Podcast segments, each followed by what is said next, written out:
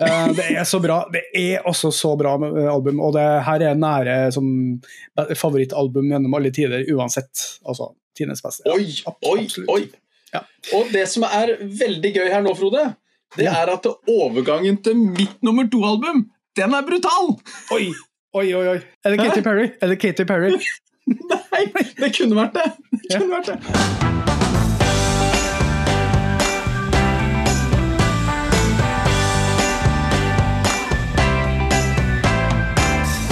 Hei og velkommen til Lars og Frode snakker om musikk. Podkasten for deg som setter pris på å høre engasjerte og positive samtaler om musikk. Gjerne med ei litt sånn morsom liste som utgangspunkt. Vi er to musikkelskere som først og fremst snakker om musikk vi liker, på et forsvinnende tynt kompetansegrunnlag. Målet vårt er å ha det hyggelig med musikk, men uten å spille den eh, for deg, for eh, ja, det ville blitt altfor dyrt. Og kanskje eh, tirrer vi nysgjerrigheten din litt. Grann. Mitt navn er Frode Fossvold Gjørum, og jeg sitter i Trondheim. Mens med meg på internettmaskin fra det blide Sørlandet har jeg Lars Berg Holtan. Og hei på deg, Lars. Hvordan går det? Hei, Frode. Det går altså så bra. Nå er vi jo i starten av juni. Sola skinner, sommeren er her. Jeg har gått i shorts en uke.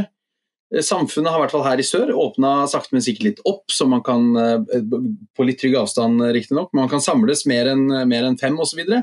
så nå er det ikke så gærent, altså. Nå har vi det fint. Og til tross for dialekta, så bor jeg på Sørlandet, som du hører. Det, nå er vi blitt Lindesnes kommune.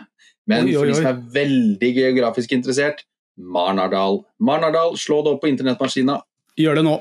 Før vi går i gang med dagens tema, så tenkte jeg at vi må avklare en liten ting eller to om den podkasten.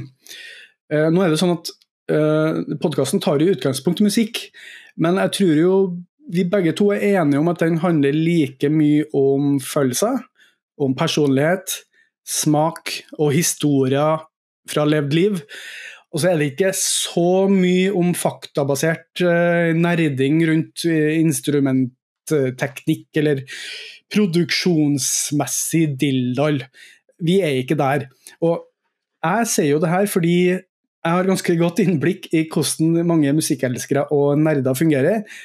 Og da fortrinnsvis menn, fordi at jeg er litt sånn sjøl. Og da snakker vi alltid fakta, fakta, fakta, fakta! fakta. Ja.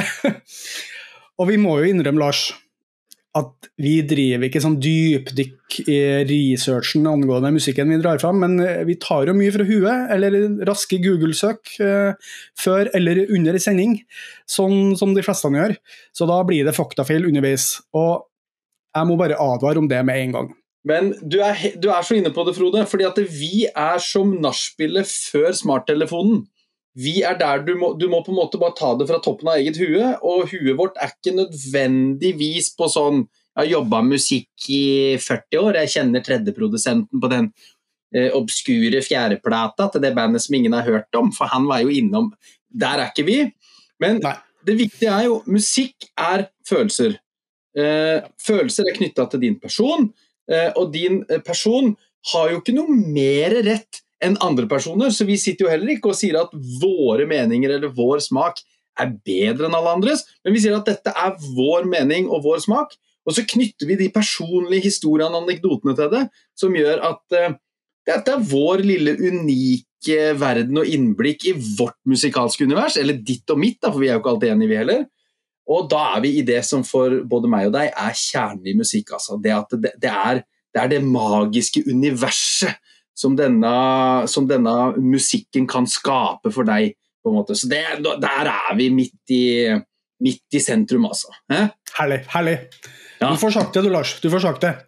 Det Men da, ja, bra. Da, da tar vi dagens tema. Og dagens tema eh, Vi tenkte det var kanskje lurt eh, Vi er jo tidlig i innspillingsfasen av de her eh, podkastene. Eh, og da tenkte vi at det var litt lurt å ha med det temaet her tidlig, for de sier litt om oss. Og dagens tema er topp fem viktigste album for meg. Så hva betyr det for deg når vi sier de viktigste? De viktigste albumene i livet vårt, vil jeg jo si da. Ja, det er jo Jeg tenkte jo, vi snakka litt om det uh, før sending, jeg tenkte jo at dette skulle bli piece of cake. Bare stable de opp, det. Det var ikke noe problem. Helt til det slo meg at oi, det har jo gått uh, Det har rent litt uh, vann i elva osv. Men viktig album er jo er jo de albuma som har eh, kommet på den rette tida, altså fått deg inn i en sjanger eller inn i in interesse. Det er de som har kommet på en, et sted i livet der du er i en slags forandring, eller eller de som har fått deg til å oppdage noe nytt. i hvert fall Det er det jeg legger i de viktigste. Dette er litt sånn milepæler som har fått meg til å komme inn og til å utforske litt nye veier. Da. Det er det jeg legger i, de viktigste. Og så vet jeg ikke om du er helt enig i det, eller om du har tenkt litt annerledes? Helt uenig. Nei, eh, det er akkurat det samme. Altså, det handler i stor grad om eh, album som fikk meg til å, at ørene åpna seg for noe som jeg ikke har tenkt over før, eller hadde noe forhold til. Og det er sikkert mange flere album som jeg kunne ha tatt med i, i dette her, som alltid. Uh, og så, sånn som vi snakka om litt før vi begynte, at um, jeg syns det har blitt det er vanskeligere å plukke ut uh, nå, i den alderen jeg er nå, Eh, Dvs. Si i slutten av 40-åra snart, og det er jo helt sinnssykt å tenke på. Men i 20-åra så det, sto det ganske greit for meg hva de viktigste albumene var. Og de albumene jeg har med i dag, de, jo, de er blant ti albumene, men det, det, tok litt tid å tenke seg fram. Og så er det alltid flere sjangre man kan ha tatt med og sagt at ja, nei, det og det albumet fikk meg til å høre på den og den sjangeren og sånne ting, men jeg har tatt med dem som jeg føler er det viktigste, og kanskje toucher borti det beste det er, som, det er ikke nødvendigvis de beste albumene jeg vet om, men eh, det er jo litt beslekta, da. Ja, jeg, eh, jeg, ser jo at på min eh, topp fem her, altså eh, viktigste album, så er det nok sannsynligvis ingen av de, kanskje ett, det kan jeg nevne når jeg kommer til det, som ville gjort det inn på en topp fem beste album. Men at eh, artistene på denne lista kan ha album som ville vært med på en topp fem, eller i hvert fall en topp ti, det er ingen tvil om. Ingen tvil om, Men det er ikke nødvendigvis det viktigste albumet som er det beste. Eh, og det er jo det som er veldig spennende. Men så må jeg jo si, for å, vi er jo glad i fotball begge to, Frode, at ja. eh, og, og nå ser, nå, nå, eh, For de som ser, nå kommer den pekefingeren igjen, og da blir jeg ivrig. Den viktigste kampen er jo den neste, så man kan jo sikkert si at det viktigste albumet det er jo det du ennå ikke har oppdaga. Uh, uh, uh. Nå, nå leverer Lars Ok, Lars. Eh, da vil jeg gjerne høre din eh, topp, eh, eller nummer fem på lista di. Nummer fem på min liste, og den, den var den jeg tenkte lengst på. Eh, og, eh, og, jeg falt faktisk ned, og jeg har jo nevnt tidligere, jeg er veldig glad i norsk musikk. Jeg falt ned på et norsk album oi, oi. av en norsk musikk. Eh, av en norsk artist, selvfølgelig, siden jeg er på norsk. jeg har en kamerat, du har en kamerat, han heter Øyvind. han sier at alle har sin Kari Bremnes, eller sitt Kari Bremnes-øyeblikk. Mitt Kari Bremnes-øyeblikk heter løsrivelse. Eh, det kom i 1993. Jeg oppdaga det faktisk ikke før 2002. Jeg var jo helt uh, Hørte jo ikke på sånn, sånn, musikk som det. Jeg var rockegutt, jeg var grunge-gutt, mm. ikke sant. Mm. Eh, eh, jeg bodde i Bø i Telemark eh, sammen med en som het Jens Christian, med flere da, i et kollektiv. Og han kom med brent CD, det var den gang vi brant CD-er. ja, vi brant dem ikke på bål også. Vi brant dem ikke på bål. Nei, du putta det inn den gangen PC-en var større, så hadde du plass til en sånn CD-rom i den, og da putta du inn, og så trykte du på en knapp på PC-en, og, så og så plutselig kom musikken ut på den. Det var helt fantastisk. CD det er en sånn rund sånn metallting. Eh, men, men, men, han sa dette, dette, dette må du høre på. Og jeg vet ikke om du kjenner til løsrivelse, men det er jo altså tekster av Edvard Munch. La oss ja. begynne der. Dette ja. er jo hans livsfrise. Dette er jo disse eh, Denne Altså det er jo en syk mann, den der Edvard Munch. Altså, jeg holdt på å si, Her har du Skrik og, og Madonna og, og Møte i verdensrommet og alle de, den livsfrisen hans. Så han har skrevet alle tekstene til disse maleriene, så hører hører en liten novellelignende eller, eller diktlignende sak. Og så har rett og slett Ketil Bjørnstad skrevet musikken. Så synger Kari Bremnes, og så er det et stjernelag, bl.a. Marius Müller på gitar. Eh, og den stemninga inn der eh, i det albumet er, gjør at albumet er veldig godt. Men det som er, gjør det så viktig for meg, er at det her albumet var det som åpna min verden inn til den noe mer hva skal man kalle visesangsjangeren eh, på norsk og for så vidt etter hvert også utenlandsk, dette store språket. Så, så Grunnen til at det er så viktig, er at når jeg først hørte på det med Kari Bremnes, så gikk jeg videre på sånn Gåte for Gåte og alle de andre Kari Bremnes, og så mm. sjekka jeg ut brødrene Bremnes, Lars ja, og, ja, ja, og, Ola.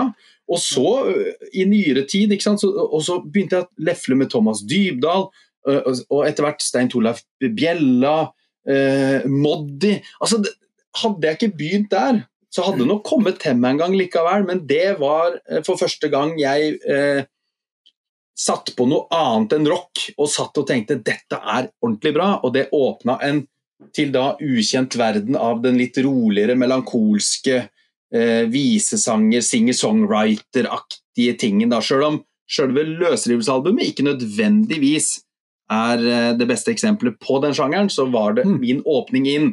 Ja. Derfor er denne topp fem viktigste album, men på en femteplass. Gateway, Kari Bremnes, gatewayen til Det er en helt ny verden. Ja, og Kari Bremnes, altså. Eh, det er en Jeg har fått lov å gå på konsert se henne òg. Det er altså det er, hun, hun, har aura.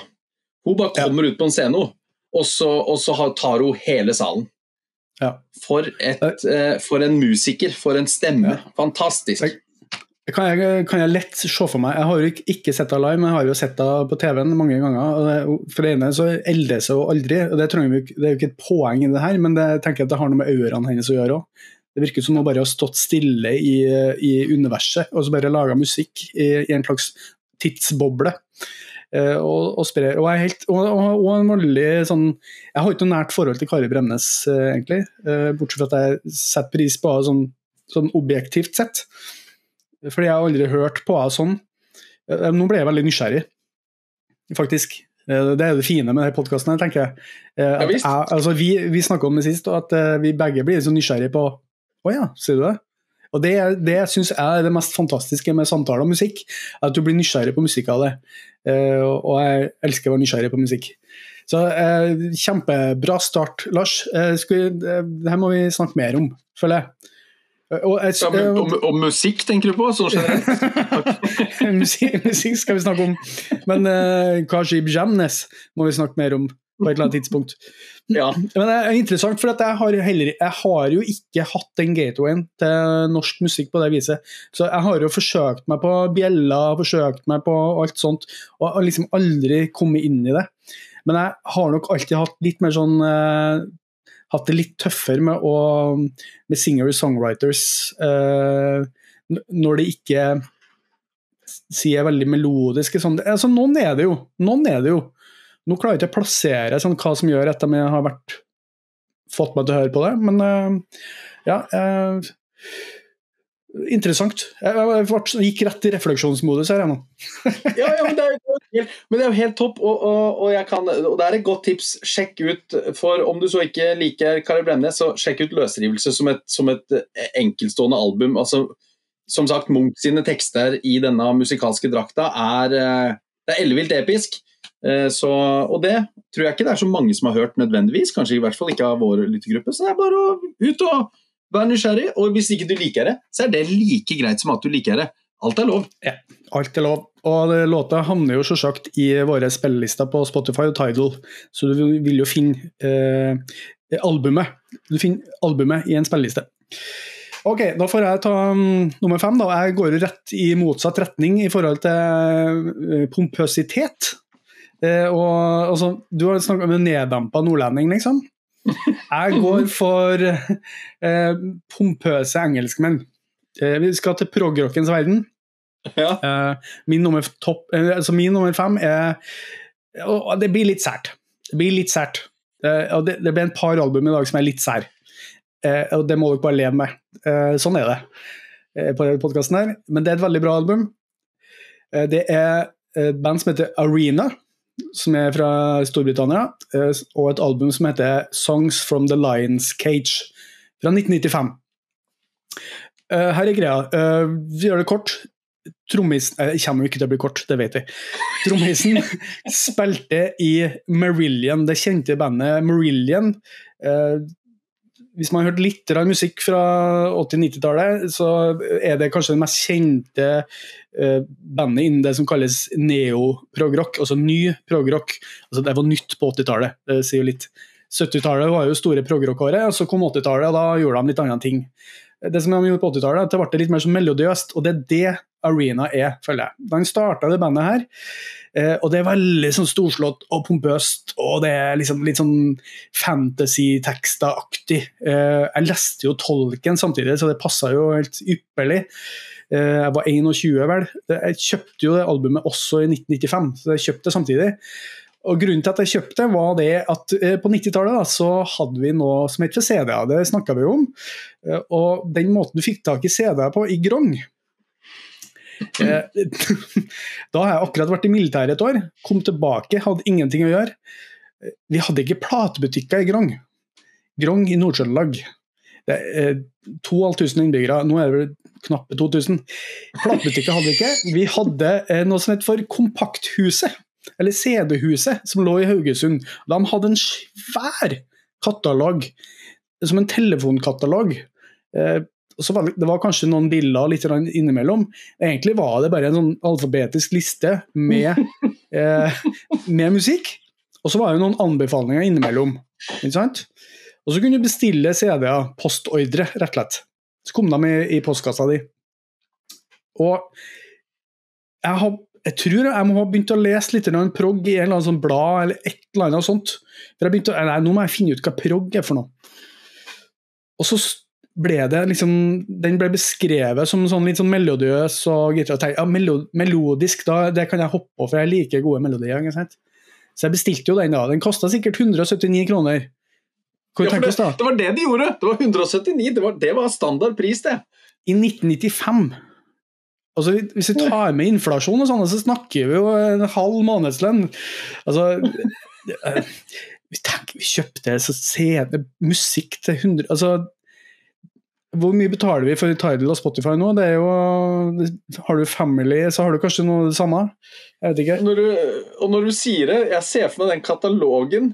Det er den analoge Tidal og Spotify-lista. Du, du, får ikke klikka og hørt. Du, du må bare sikkert ringe inn en bestilling og si jeg skal ha nummer 52.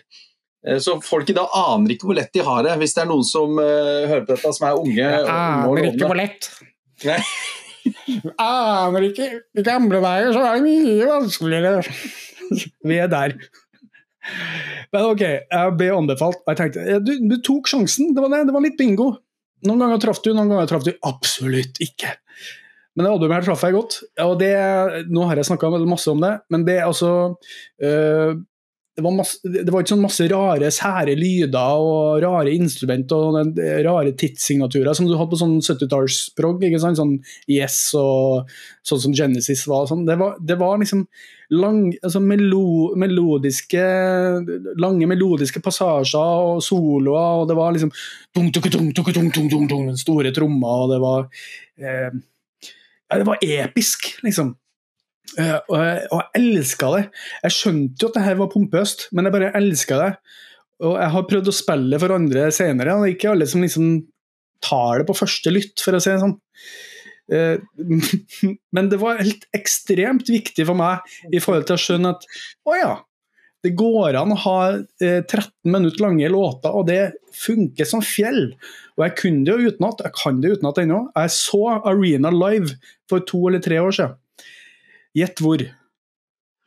Hvis det, altså hvis det har vært på, på, den samme hallen i Grong som der du på de laksedagene uh, hørte CC Cowboys, da blir jeg veldig veldig glad. Så ærlig skal jeg være. Men jeg tviler jo på at det er der. Det er ikke så langt unna, for det var, det var på Stjørdal. Var på Stjørdal. Ja da, kulturhuset der. Så det var en progrock-entusiast på Stjørdal som har fått dem til Norge og sånn. Og jeg måtte ta toget på det tidspunktet, så jeg fikk med meg bare fikk ut med meg siste halvtime av konserten, for det var siste toget hjem til Trondheim gikk. Så jeg måtte springe. Eh, og han spilte ingenting fra det albumet der. Men jeg har jo sett dem. men, men er dette da, da må jeg spørre, er dette da et band som i dag har samme besetning som den gang, eller er det én person som er bandet, og så er det resten bare Det vi kan trygt slå fast, det er bare trommisen, også originalmedlemmet, som er igjen fra den gangen. Eh, så det, ingen av dem var de samme folka. Så det er noen som har vært med sånn i 20 år, kanskje, og 22 år. De bytta jo vokalister hele tida. Vokalister det, det, er ikke så nøye med i progrock, så de forbereder nye inn. Men dette var jo så spennende at du dro altså opp et band som jeg faktisk ikke har hørt om. Eh, og jeg er ikke flau over å innrømme det heller, for dette eh, engelsk progrock på 90-tallet er, det er ikke det jeg hadde valgt som sånn eh, kvitt eller dobbelt-tema. Det er så ærlig skal jeg være. Og jeg beklager, jeg beklager allerede nå på vegne av podkasten at det kom et så sært valg allerede på første. Og, og så kommer det en til, og det må jeg òg beklage på forhånd. Du åpna så fint i stad, Frode, og det er ikke noe sånn nerding og faktanerding og sånn. Og så får han første, første kanina på hatten. Arena, bandet ingen har hørt om, men som spilte på Stjørdal for tre år siden. Og det er strålende. Ja, som sagt, jeg skjemmes. Jeg gikk rett i nerdemodus, men det er faktisk det her er jo det jeg kan jo så mye om det, ikke sant? så da bare detter jo ned. Det, men så, jeg har sånn hørt om jeg har hørt om og jeg har hørt på Marillion, bare så det er sagt. Så, så jeg, kunne, jeg, jeg, tok en referanse, jeg tok bare ikke hovedpoenget. Nei.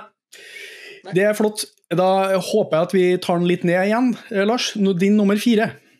Ja, og vi skal eh, holde oss i Norge, vi. Ja. Det er jo helt fantastisk hvordan, eh, hvordan vi holder oss i Norge. Vi, Norge 1994. I Sandefjord så var det jo opplest og vedtatt at DumDum Boys de Lillos og CC Cowboys var veldig gangbar mynt. Eh, Raga og Jokke var litt sånn harry, ikke sant? Mm. Eh, men seinere, bare for å ta det på sidespor, så har jeg absolutt lagt min elsk på Raga og Jokke. Jeg, bare, jeg, forstår ikke hva vi tenkte på den gangen, men det var nok litt sånn rølpe, i hvert fall Jokke hadde den rølpefaktoren. Men når du, Raga og Jokke har eh, seinere kommet veldig høyt opp, men det er ingen av disse bandene vi skal til. For som alle husker, slutten av 80-, starten av 90-tallet alle disse bandene er høy kvalitet, men det var noe med den litt sånn enkle lyden og, og får litt sånn 80-tallsvibber også litt innover på 90-tallet. Mm. Og så kommer jo disse Tønsberg-guttene som heter Seimen. Ah, ja, ja, ja. Så kom I eh, sommeren 94 eh, så slipper jo de først den 'Hjernen er alene'-coveren eh, mm. av mm. De Lillos, og det tenker jeg det var en fet låt. Og på den EP-en så slapp de også Korstoget fra Pluto, som er den første plata, eller en lang EP eller en kort plate, kommer an på hvordan du definerer det. Og med Susa fra Amenion. Og, og, både Pluto og Amenion, de to foregående albumene, er jo relativt harde. Litt, mm. Eh, de bryter veldig med seg sjøl på, på, Total. Mm. Eh, for Total kommer da høsten eh, 1994. Da er det først de slår gjennom med denne Hjernen alene, så kommer Total.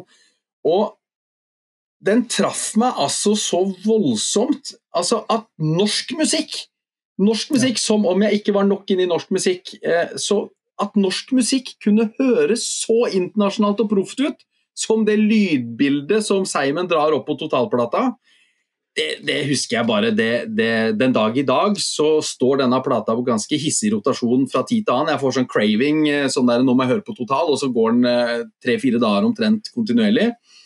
Men det er jo hun derre Og nå skal jeg skal nerde litt òg. Hun Sylvia, Sylvia Massey eh, som ja. produserte den. Og hun kom rett fra Tool. Hun, hun hadde vært og produsert Tool ja. med Undertow. Og jeg bare ja. tenker, hvor stort er ikke det her? Et norsk band som fram til da altså jeg mener Ammonionplata til Seimen er jo ikke, står ikke med gullskrift i norsk musikkhistorie, den. Selv om det er en veldig god plate. Så åssen et norsk band på en måte bare får inn ho i studio hos ho rett etter Tool har vært der og bare 'Vi spiller inn litt på det'. Og, og, det er klart, du hører jo igjen en del Tool-elementer i denne lyden i Total når du blir klar over at det er hun som har produsert. Um, og, og, de tekstene som lefler litt med hva skal en si, litt sånn slags religion, kvasifilosofi, kvasireligiøst. Uh, men altså, et album som ga meg om jeg ikke var sterk i troa fra før, så ga det meg en sånn ordentlig norsk musikk, altså Så dette, Simon Total 1994, den eh, står som et eh, den bautaen som virkelig åpna øynene mine for norsk musikk, sjøl om vi som sagt hadde hørt på DumDum, CC osv. Men man er jo i brytninga. Jeg var 15 år den gangen. Og det er jo lett å la seg henfalle til alt det internasjonale, og så plutselig så kommer altså Seimen fra Tønsberg, nabobyen til Sandefjord, der jeg har vokst opp, eh, og blåser meg av banen med den. Så den kommer altså på fjerdeplass, altså. Hæ? Fantastisk. Vakkert. Seimen, det minner meg med en gang om uh, folkehøgskolen uh, jeg gikk på i 95 og 96 og 97, faktisk. For jeg gikk jo to år på den skolen. her, For det var jo to år i linje for meg, uh, Ah. faktisk. Ja. Eh, og jeg, jeg gikk sammen med en annen kjent podkaster som, eh, som har et etternavn som begynner på T, og begynner på L og slutter på Tønne. Ja, og vi, og vi, vi, vi, strekker oss etter det, den podkasten sin eh, rekkevidde sånn på sikt, gjør vi ikke det, Lars? Men Og jo, og kanskje vi satt vi faktisk på det rommet der og hørte på eh, den musikken, eh, Lisa og jeg, i 1995. Den høsten her, for da var det en kar som het for Yngve, tror jeg, som eh, Han hadde med Simon og han hadde med Jernar alene og satt og spilte det. Og det var liksom stearinlys og mørkt rom, og, eh, og satte på den låta her. Og det var så mørkt. og det var så Jeg, jeg kunne ikke skjønne Synger han på norsk? What? What? Er det et norsk band? Og det hørtes så internasjonalt ut. Og det var, det var bare så Det var liksom litt sånn farlig og ja, liksom og, nå- Som du sa, litt, tekstlig så var det litt sånn eh, litt sånn utfordrende på et vis i forhold til kvasireligion. og litt sånn, Fikk en til å tenke litt sånn Det passa veldig bra når du går på folkehøyskole. da. Ja. Eh, når du er liksom ordentlig skal finne deg sjæl-tida. Og så var jeg jo så heldig at jeg så dem i Bø òg, faktisk, på det som var avslutningsturneen deres. I, var vel i 99, kanskje. Muligens. ja. Uh, tror jeg. Det var en nest siste konsert. Og jeg var jo så ivrig at mens jeg da fortsatt gikk i Bø, så dro jeg ens ærend til Trondheim, Dødens Dal, på den som skulle være One Night Only. Som jo aldri Ja. blir One Night Only, det har vi skjønt nå. Alle skal ha sånn Ja. One Night Only. I Dødens Aha, Dal i sier jeg bare. 2000 og Ja, aha! Og One Night Only blir til uh, album og alt mulig. Men Ja. Simon også har jo også kommet med album etterpå. ikke sant? Begynte med den Ja. One Night Only Dødens Dal eh, 2005. Og live eh, Nå spiller de vel et par-tre konserter rundt hver jul. Sist gang jeg så de var på Rjukan rockefestival for kanskje fem år siden. Eh, det er ikke så gærent, det heller. Ikke verst. Eh, Der har jeg vært òg. Eh, ja, ikke sant? Og det skal ikke klage med det, på det, men, men apropos sånn tekstene og sånn, det er jo en av jeg er, jeg, jeg er jo ikke alltid så opptatt av tekst. Noen ganger så er jo tekst eller Mm. vokalen er jo bare et instrument, så jeg er ikke så opptatt av Mm. hva han, han eller hun sier, men hvordan de sier. Enig. ikke sant? Enig. Um, noen ganger så kan jo tekst bety en del. altså Når vi var inne på visesang i stad, så visesangere har jo gjerne en historie å fortelle. Og det kommer litt tydeligere fram når du bare sitter og klimper deg på en gitar, enn i en sånn fullprodusert uh, verden. Men tekstlinja fra Simon Jeg lukker ett øye og ser halvt. Jeg lukker begge og ser alt. Den, oh, oh, Kim Jong, altså. Kim Jong. Oi, oi. Og nå snakker det, nå, Oi, nå stoppa hjernen min. Nå, nå stoppa det. Hvor går vi videre fra det? Nå må jeg pause. Jeg må ha pause.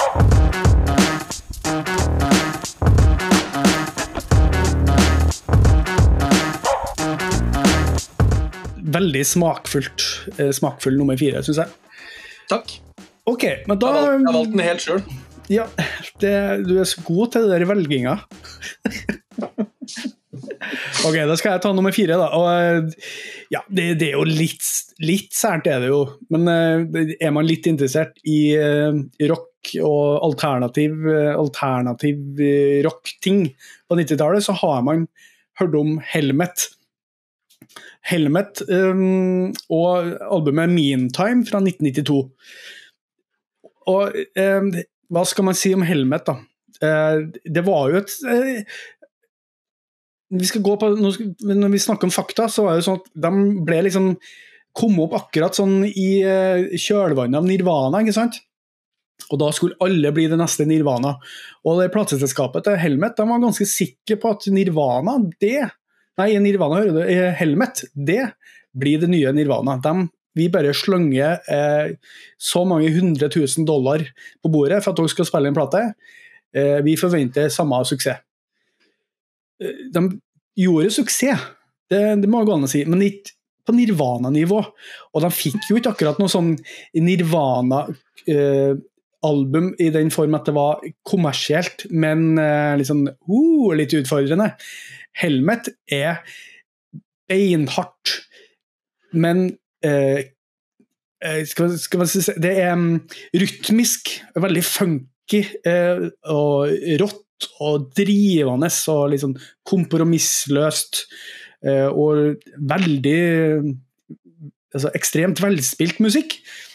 Men det er jo ganske hardt. Det er liksom, Hva skal man kalle det? Det, det er liksom Du har en, en, en, en um, rytmeseksjon som er, liksom, har et sånn driv som bare går, og så er det litt sånn bjeffete vokal. Og så er det litt sånn, litt sånn rare akkorder her og der. Og, og så Men det bare funker så gæli. Og um, og de, de, gjorde jo en kanskje større suksess med albumet etterpå, som heter for Betty. Uh, som, uh, som, og en sang som heter for Milk Toast. Men det, det, det her Meantime-albumet, det, det oppdaga jeg da i um, Trondheim i 93. Da bodde jeg et lite halvår i Trondheim. Og da ble jeg først Jeg kunne like godt valgt Rage Against the Machine her, faktisk, for de ga meg litt det samme greia. Det er litt sånn, litt sånn minne om Rage Against the Machine egentlig på mange vis. Og det er samme året, 90, 92, kom begge platene her. For det, og dette dro deg da inn i den litt sånn uh, Hva skal en si For, for sjanger Hvilken sjanger Du er jo litt god på sjanger, Frode. Hva er det de egentlig sorterer inn under Helmet? For det, Jeg er jo helt enig med deg, for jeg kan jo sette på Helmet bare for å høre rytmeseksjon, skal jeg være helt ærlig. Ja. Altså, altså, For rytmeseksjon til, til, Helmet er jo helt uovertruffent god. Det er jo du, det er som du sier, det er på rage-nivå. Du blir sittende og, og bare gynge og, og dirre litt i stolen. Ja, det er veldig, det er veldig sånn gyngemusikk. Og du får lyst til å liksom bare hoppe litt og bare poge. Men det, så de, de, gikk jo under for det som kalles og kaltes for alternative metal som er en sånn 90-tallsgreie, føler jeg. Og så noen har kalt det for eh, liksom post-hardcore. Um, ja, det, liksom, det, har jo hardcore elementer, men så har det litt sånn jazzting i seg. Han var jo litt sånn jazzgitarist, egentlig, han, eh, han eh, godeste um, Page Hamilton, som, som, liksom er bandleder og synger og spiller gitar. Uh, så de dro inn litt sånne rare greier inni der. Og men de har aldri vært så gode som de var på det albumet, spør du meg. Og det, det er ti helt sånn praktfulle låter. Det er, så, det er ikke ett svakt øyeblikk, og det er ikke så langt album heller, så det går an å gå tilbake og bare ta det albumet, høre på det, så er du ferdig på 35 minutter eller noe sånt. Det, det, og, og, der slår jo Nirvana, da. For, for, Nevermind er jo et praktfullt album, men det har jo den der, hva heter den for noe, Territorial Pissing, som bare er sånn ja. derre Hvorfor? Hvorfor ødelegge? albumet med det. Og hvis Helmet da har dratt ti på, ti på rad uten, uten, tull, så er jo det strengt tatt bedre, da. Oh, brannfakkel! Oh, det er en brannfakkel. altså, jeg liker jo Meantime bedre enn uh, Nevermind, men det, det, er en annen historie. Men jeg er veldig tilhenger av band som klarer å, å, holde seg til en eller annen sånn skjema. Uh, jeg snakker til dere, Metallica. Uh, nyere Metallica. Altså, du trenger ikke å gi ut 80 minutter musikk. Det, altså, det er bare tull! Det er tull! Ha, altså, se litt på litt sånn klassiske album fra 70-tallet. Vi pressa ikke. Men det handler om at man spilte inn eh, og skulle ha det på vinyl, ikke sant? så man hadde ikke plass til 80 minutter. Det gikk ikke. Da ble det dobbeltalbum og mer til. Og det hadde ikke plateselskapet råd til. Da var man nødt til å plukke ut de absolutt ti beste låtene, og så presse det ned. Nei, trenger vi det ekstra refrenget? Nei, gjør vi ikke. Bort med det. Og det, det skjærer bort flesket. Eh, for jeg må bare si, for, for jeg oppdaga Helmet eh, egentlig litt tilfeldig. For, for, som vi var inne på i stad, dette var den tida. Det var, før, det var før Spotify og Tidal og internett. Så musikk eh, I Sandefjord hadde vi musikkbutikk, altså, men da måtte du ned låne sånne øretelefoner du har på deg, og sånne ja. CD-spillere rundt i butikken, og så stå og prøvelytte. Og da hadde den der da husker jeg var veldig fin den der skip, eller den der autoskip-funksjonen. Du hørte de 10-15 første sekundene av hver låt, husker jeg. Ja, ja, ja, ja. Pop, pop, pop, og traff det ikke der, så var det bare å få det bort. Men, men uh, Helmet var ikke et band jeg sånn sett hadde vært nede og hørt eller kjøpt noe av. Men Mm. jeg husker jeg kjøpte er det 4 eller 95, denne Judgment Night-soundtracket. Ja, ja, ja. Der de har en låt soundtrack. med- Yes, det, eh, ja, sammen med singles for oss som er glad i grunge, da. Uh, Ja, men ja, det er sant. Det er sant. Men, Mm. men, men eh, der er det vel Helmet og House of Pain tror jeg, som har en Yes. sånn crossover. Og den, Mm. ja, for den plata, nå, nå skjærer vi litt ut, men den plata, eller det soundtracket, det må alle bare sjekke ut. Hvis du er glad i sånn rap-rock-fusion, så er dette en slags eh, Det er på en måte P og slekta lenge før P og slekta var påtenkt. Eh, Og, og litt man- røffere. Eh, Sånn uh, metal og rap, eh, det har jo folk forsøkt seg på i senere tid. Men det funker jo helt ekstremt godt på det albumet der, og det soundtracket der. Altså, Ja. det, altså, Det det er er eh, høydepunkt på høydepunkt. og mye bedre enn filmen. Ja, for den trenger du ikke å se. Du kan bare kjøpe soundtrack og høre på det, eller, eller høre på det på, på internettbaserte tjenester. Eh, Det var en veldig langt og nerdete om Helmet, uh, altså jeg beklager igjen. Uh, Men det, episoden blir litt nerdete, rett og slett fordi det, det har vært så betydningsfullt. Og, og det jeg egentlig ikke sa, var jo at eh, Helmet lærte meg noe om eh, at hard musikk kunne være funky. Altså det kunne, og det kunne spilles med masse luft. Og det må, må ikke være bråk hele tida. Det er mye luft hos Helmet. Og så og så sa det om hvor mye driv eh, hardere musikk kan ha. Så det må ikke være ACDC for at du skal ha drivet, liksom. Det kan være enda hardere og mer brutalt. Ok. Nei, men dette, og dette var et meget godt eh, og, og Jeg blir glad når jeg får bandet jeg har hørt om. Ja, det er bra. Det blir det ikke for neste, det kan jeg love deg. Ok. Eh, Da har vi tatt eh, Nå er vi på nummer fire, begge to. Eh, Da hadde jeg Nei, for så, nå, oss, jeg kan si mine. da. Jeg hadde nummer fem, så hadde jeg Arena, Songs from the Lions Cage, 95, eh, progrock. Og så har jeg akkurat snakka om Helmet, eh, Meantime, fra 1992, som er alternative metal. Og du hadde nummer fem. Nummer fem, Kari Bremnes med 'Løsrivelse' eh, fra 1993. Og eh, nummer fire, Seimen Total fra 1994. To norske der, altså. Og jeg skal jo nå over på min nummer tre. Og jeg skal Ja. ikke bevege meg fryktelig langt i geografien, men jeg skal bevege meg overraskende langt i årstall. Ja. For nå, vi skal til Sverige. Og vi skal til den kanskje særeste på min liste, eh, Daniel Nordgren. Oh. Det er, eh, det er jo eh, bluesartisten som eller starta som bluesartist, og så har han vel egentlig bare Han har alltid vært sær, lagd sine egne instrumenter, tatt opp lyden av skog, spilt inn eh, plater i, i 2012 på kassett. Eh, åttespors, altså litt sånn nerding på det, men, men det er ikke noe digitalisert og, og fjas der. Eh, det er på en måte Han sitter hjemme og lager sin egen gitar og, og mekker et trommesett av noen noe pinner i skogen og sånn. Ja. Eh, så, så fra den bluesartisten så har han på en måte blitt en sånn, en sånn stille visesang, stemningsfull, men fortsatt med rockeelementer. Eh, Så de som ikke har hørt Daniel Nordgren, bør sjekke den ut. Eh, Men eh, jeg er da på albumet Alabercy, som kom i 2015.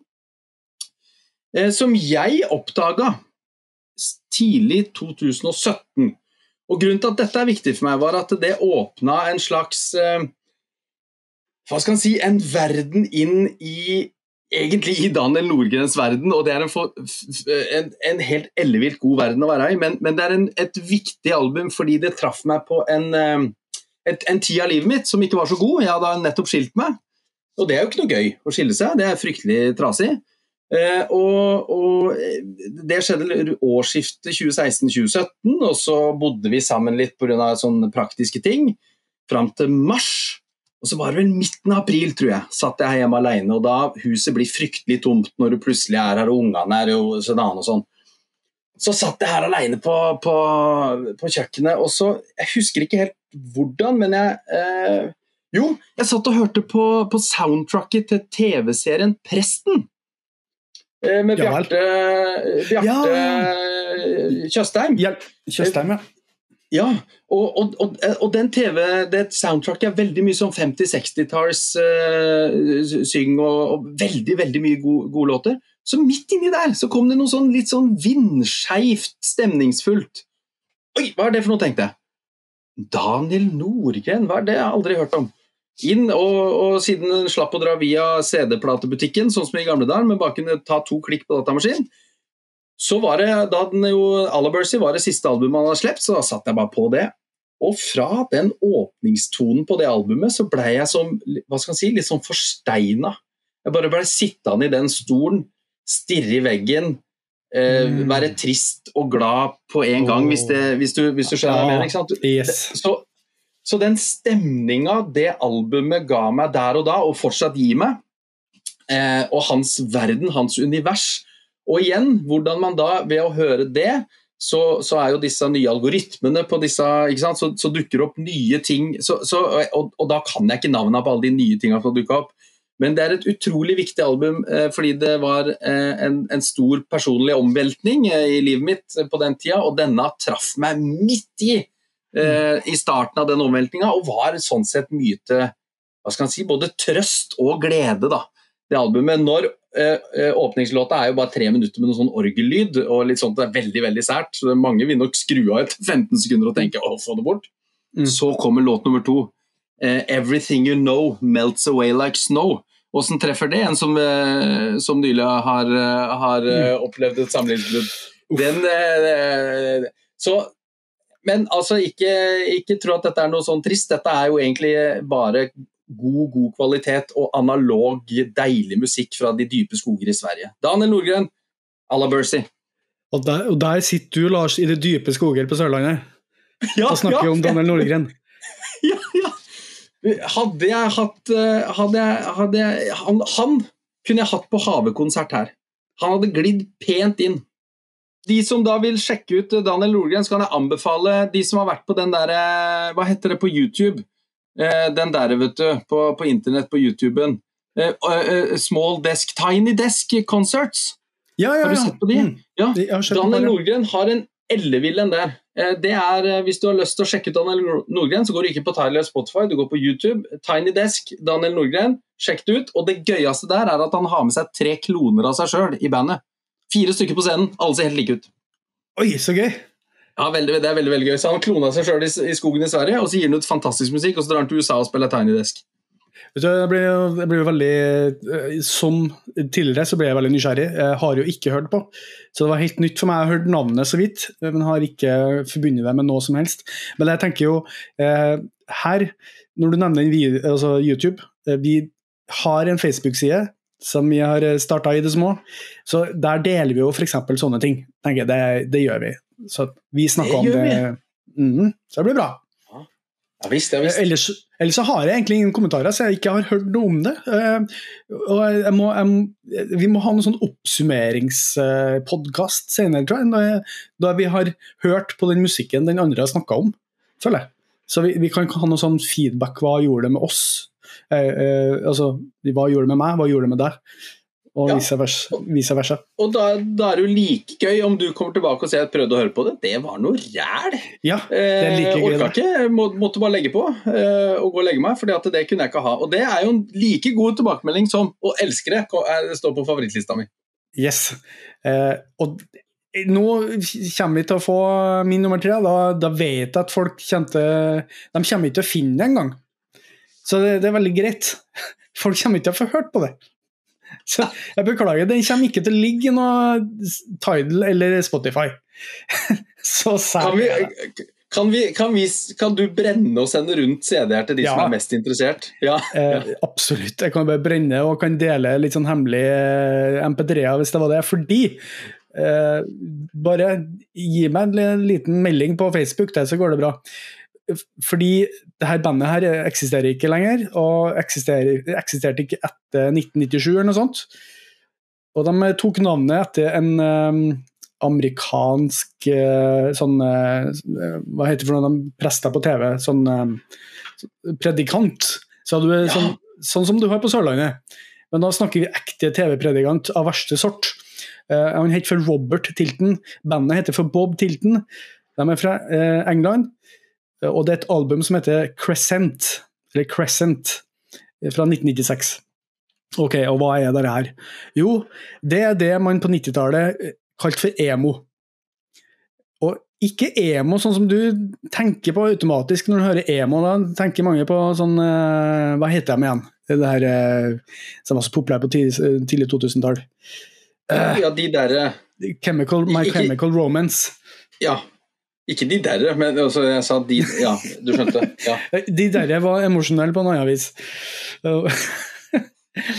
Men eh, det her, er liksom, det, det, her er på en måte den råeste formen av emo, sånn som det var. Og så hadde man det, det her er på en måte engelsk emo. Og så hadde man den amerikanske emoen som var kanskje mer melodiøs og um, Som var en sånn avart av uh, hardcore. Det her er òg en avart av hardcore. Og jeg vet ikke helt hva jeg skal si om albumet. Jeg oppdaga òg via uh, Kompakthuset, eller CD-huset, faktisk. Det var en anbefaling. Her er et uh, helt fantastisk album. Uh, og var, her er greia. Det var én fyr som satt og skrev sånn Det var en anbefaling, sånn som vi sitter og gjør nå, egentlig. Og han hadde emo-ting og sånn alternativ rock. Og han skrev her må, må alle høre på. Og jeg husker at jeg, jeg, jeg tror jeg var, Han skrev det med fullt navn, da, så jeg, jeg, tror jeg må ha sendt ham en e-post senere, noen år senere. Og så takka han for det. Han var helt sånn 'Å, er det sant? Hørte du på dem? Å, så bra!' Ja, jeg elsker det bandet. Eh, og alle som elsker det bandet her, elsker det bandet her. Eh, virkelig. Og det, det um, Sånn apropos følelser og musikk. Det her er altså så kaotisk og følelsesrått.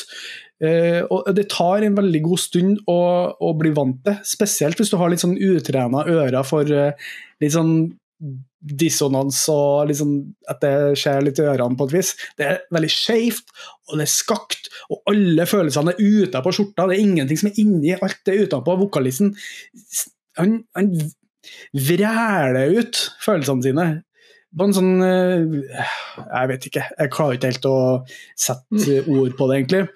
Eh, og det, det er melodisk på et vis, men da må du høre på plata ti ganger. Da hører du hvor melodisk det er. Men ikke hvis du liksom går fra eh, Katy Perry til Bob Tilton. Det går ikke.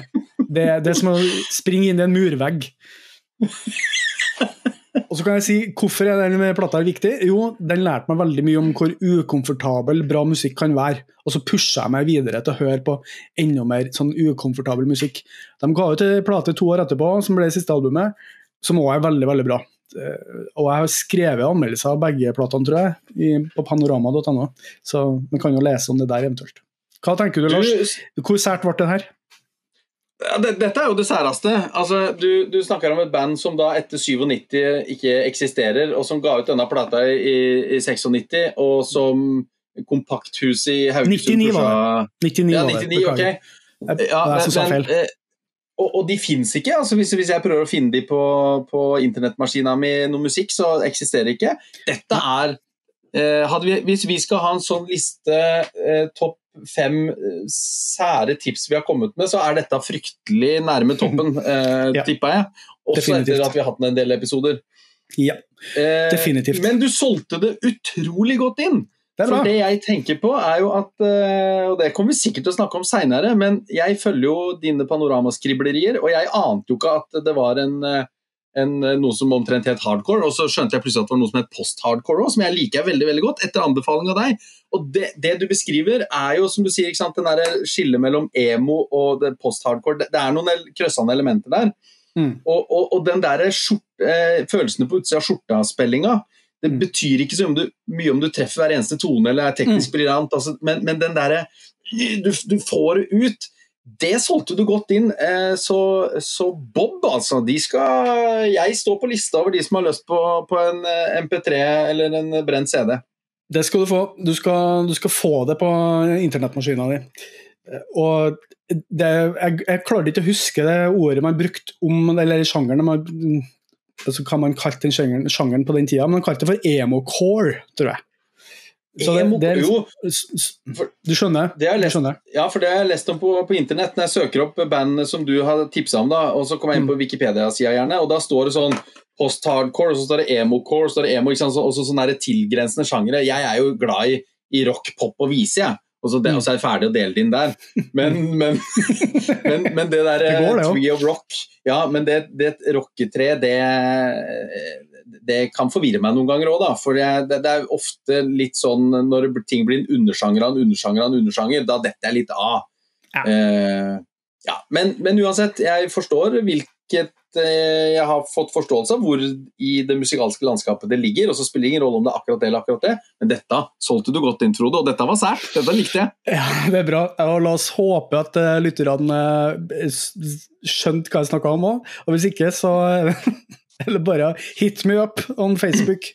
Uh, det er så bra. Det er også så bra eh, album, og det her er nære som favorittalbum gjennom alle tider, uansett. Altså tidenes beste. Oi, ja, oi, oi. Ja.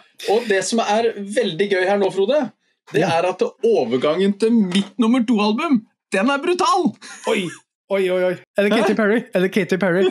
Nei, det kunne vært det.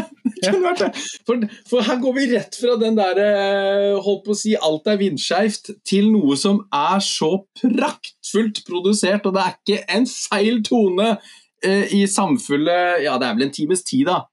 Vi skal til igjen 1994. Vi skal til Pink Floyd, og vi skal til The Division Bell. Og det er eh, Du kan si mye om Pink Floyd, men eh, Pink Floyd på 90-tallet under David Gilmores ledelse, der var ikke mye rom for slinger i valsen. Dette er silkemykt fra eh, start til slutt. Og det er jo ikke det beste Pink Floyd-albumet, la oss være helt ærlige på det, men det var det albumet som traff meg når jeg var 15 år. Eh, utforskende. Det er jo et av de tre albumene som er gitt ut av Pink Floyd etter at Roger Waters ga seg, altså at Dave Gilmore er sjefen. Og det er vel en slags sånn lang David Gilmore-gitartone, hele albumet. Jeg syns det er et veldig godt album, ja, altså. men eh, Pink Floyd kommer nok eh, Hvis vi skal ha fem beste album, så kan det godt hende Pink Floyd er representert, men det er ikke med The Division Bell. Men grunnen til at det er på min liste over viktigste album Av alle ting så mista jeg min, min konsertmøydom på Valle Hovin i, i 1994 til Oi. Pink Floyd. Ja. Og, og, og det er jo ganske eh, brutalt når man egentlig har vokst opp i et hus uten foreldre som er noe sånn voldsomt musikalsk interesserte. Faren min satt og hørte på Lodin Auklands uh, lirekasse. Uh, mora mi hadde litt Elton John, litt Beatles, eh, men det stoppa der.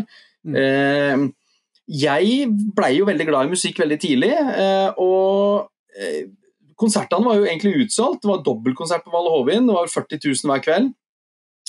Jeg var, eh, det er jo sommeren jeg fylte 15.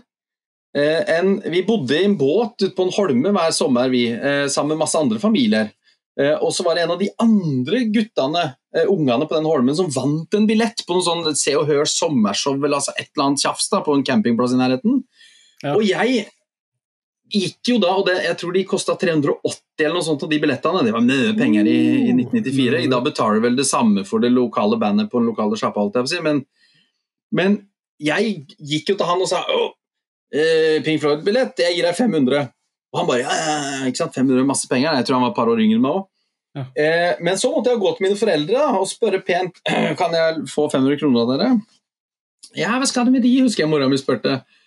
Nei, jeg skal kjøpe Pink Floyd-billett, og så skal jeg bli med Mats og Toro, de var henholdsvis ett og fire år eldre enn meg, til, til Valle Hovin jeg, og så se på Pink Floyd.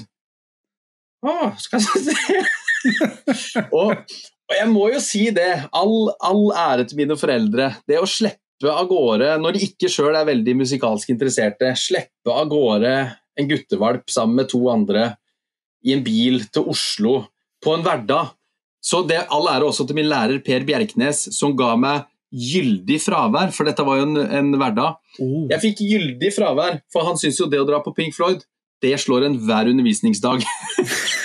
det måtte Ja. det var. Men, men jeg fikk lov å dra, og, og, og sto altså og hørte på denne konserten der inne, og, og med det så var min konsertinteresse vekka. En, jeg ville jo kanskje tenkt at derfra kan det bare gå nedoverbakke, men nei, nei, nei. Eh, dette var eh, I dag er jeg jo mer motsatt. at jo, jo, jo, jo mindre scene og nærmest jo mi, mindre kjent band, jo kulere kan det fort være. Ja. Men Valle Hovin 94, Division Bell-turneen, da de spilte mye albumet, og det albumet det står i en evig Og nå er det også tatovert inn her, vel? Oh, Tegna sjøl.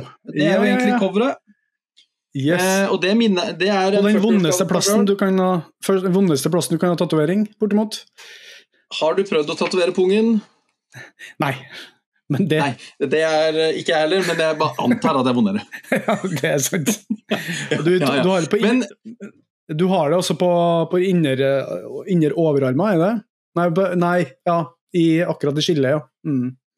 Men, men eh, tegna sjøl, eh, etter eh, da mm, det som er eh, eh, coveret på Division Bell, en slags eh, fant Mm. på internett og fram med matpapir og gjorde min egen tilpasning. Og veldig godt fornøyd med det, gavet meg sjøl, for nettopp å minnes dette var min inngang til eh, det store konsertlidenskapen, vil jeg vel si, som jeg har fått. Ja. Så eh, evig takknemlig til mine foreldre, som meg, lånte meg 500 kroner og sendte meg av gårde til Oslo. og, og det var også mitt første møte med denne litt rare lukta som disse 40-50-åringene som skulle gå og høre på Pink Floyd. At det, det var ikke, det, jeg hadde røy, lukta røyk før, men dette var litt rar røyk på utsida av Valle Hovin. før- i Ja. timene før konsertstart denne ja. solrike ettermiddagen i Oslo. Ja, ja, ja. ja. Så gammelhippiene var der, ja. Ja, det var, eh, det var også ungguttene, og så var det mye den gang som jeg tenkte gamle folk, som sikkert er som vi to går på konsert i dag, eh, Ja, ja. Frode, så tenker de Ja. ja, det var noe sånn gammelt der borte. Ja, nydelig. Eh, altså eh, det, der, Nå snakker vi hvordan, man kan bli presentert. Altså, er det noe større uh, liveshow man kunne gått på på 90-tallet? Sånn av opplevelsesmessig. Jeg snakker ikke Michael Jackson og sånn. Det var selvsagt enormt for dem som var der, og på Valle Hovin, var ikke det? Men, men, men Pink Floyd, da snakker vi jo show. Da snakker vi jo liksom jeg husker veldig godt at de var der i 94. Jeg var jo ikke der, men jeg husker at de kom til Norge, og at det var en veldig stor greie. Ja, og det var jo en stor greie. Det var syv år siden forrige album, ikke sant? 'Momentary Lapse of Reason', som var, eh, var det albumet før. Og, og, og folk var jo sultefora. Og dette blei jo til denne CD-en Pulse, eh, dobbelalbumet, konsertalbumet, som alle kan gå og kjøpe eller nå høre på på internettbasert. Den som sto og blinka eh, i, i hylla, hadde sånn lite batteri. Ja. Eh, og, og det som var så stor greie med det, var jo at dette var seint august. Eh, og de hadde jo et lasershow. Men Ja. det er jo veldig bortkasta å ha stort lasershow når du skal til, til Norge på sommeren, så de trøkte jo den langt ut på turneen for å få det etter. Du kunne liksom ikke stå på sankthans med lasershow i Norge, det er bortkasta dollars. Eh, eller pund, som de sikkert betaler i. Ja, ja. Eh, og, eh, men de, de, og de fikk jo også noe disp, sånn at den kunne gå litt seinere på kvelden i forhold til noen lydting, hvis ikke jeg husker helt feil. da.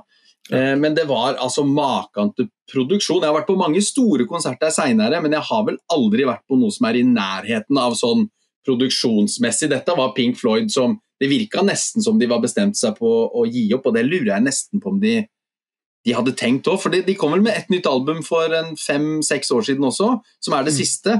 Men, men det er jo ti år da mellom The Division Bell og, og The Endless River, var det det het? Men, så, så det virka liksom som at nå skal vi ta takk for oss med brask og bram, altså. Og, det, og var det noen som både hadde musklene og musikken til å lage noe spektakulært, så var det jo Pink Floyd. Nå, vi må, jeg, jeg henger meg på takken til dine foreldre og til læreren din, det må jeg si. For jeg ser jo hva det her har betydd for deg. Og jeg vet jo hvor konsertglad du er, og jeg ser jo på, bare på blikket ditt når du snakker om det her, at det er bare Yes! Og jeg skjønner jo at du var 15 år, eller? 15 år, ah, just fylt eh, 15. Eh, ja, og, jeg kan vel si det at hvis, eh, hvis en kvinne opplever at jeg ser på henne på samme måten som jeg ser på, på en konsert, så hun, bør hun være meget lykkelig.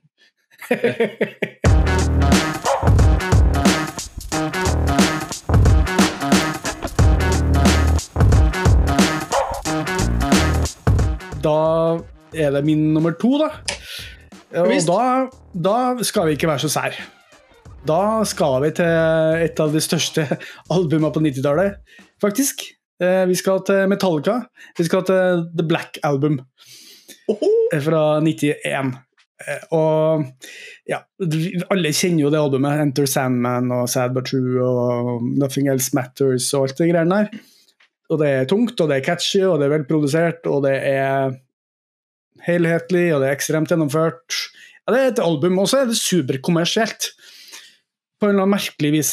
Og, eh, og jeg sa til deg før vi begynte i dag, Lars, at eh, jeg har bytta album, for jeg innså at eh, jeg har jo tatt feil album. For at jeg hadde jo egentlig Master of Puppets fra 1986 her. Ja. Men, Ja. men, men eh, det er jo mitt favoritt-Metallica-album, men det er jo ikke det viktigste.